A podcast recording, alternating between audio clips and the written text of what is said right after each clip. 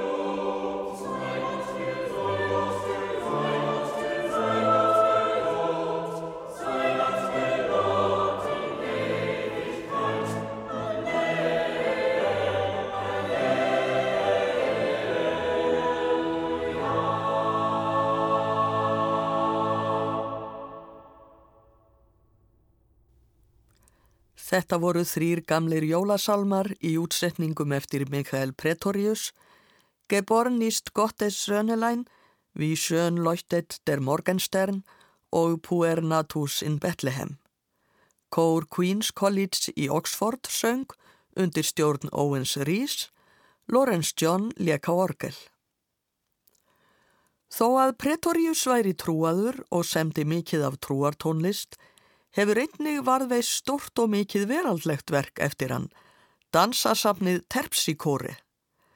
Verkið er frá árinu 1612 og er þar um að ræða meira en 300 danslög sem Pretorius hefur safnað saman og útsett. Safni heitir Terpsíkóri af því að það var nafn danskiðjunar hjá Grykkjum til forna. Að sögn Pretoriusar eru flestir dansarnir í safninu komnir frá Fraklandi en þó hafa fundist þar dansar frá öðrum löndum. Við heyrum nú sirpu af dansum úr Terpsíkóri. Þetta eru svo kallaðir branddansar sem voru dansaðir í halarófu eða í ring og mætti kallað á brönnlur á íslensku. Fyrst koma einfaldarbrönnlur, þá fjörugarbrönnlur, tvöfaldarbrönnlur og loks you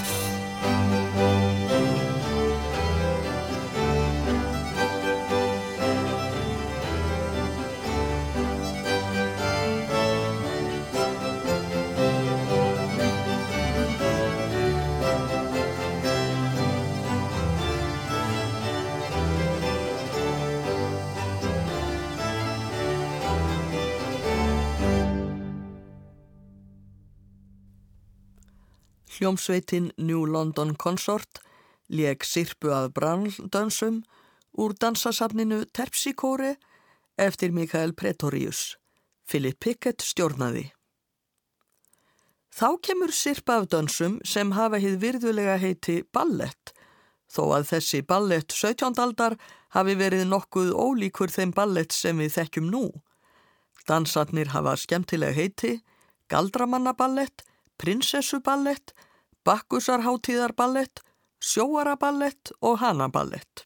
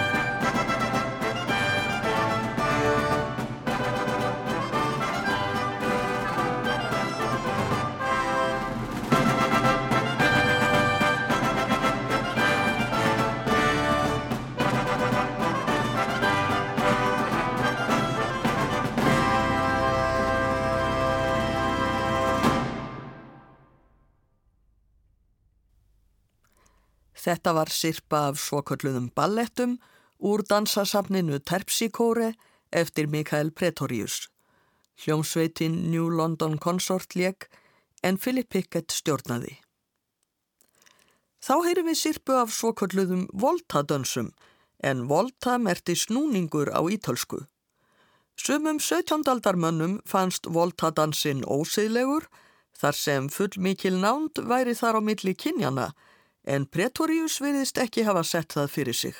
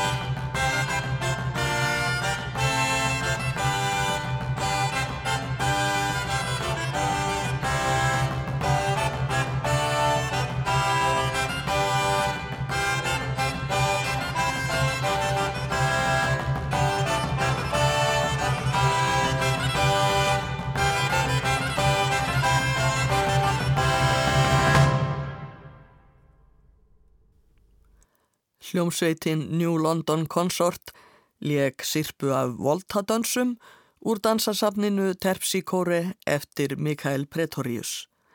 Stjórnandi var Philip Pickett. Við ljúkum þessum þætti með einum af jólasalmum Pretoriusar, Hört svo ír líben Leute, hlýðið á gott fólk. Lindskammerkórin syngur en stjórnandi er Artur Gutvenger. Ég þakka hlustendum áhyrnina, verði sæl.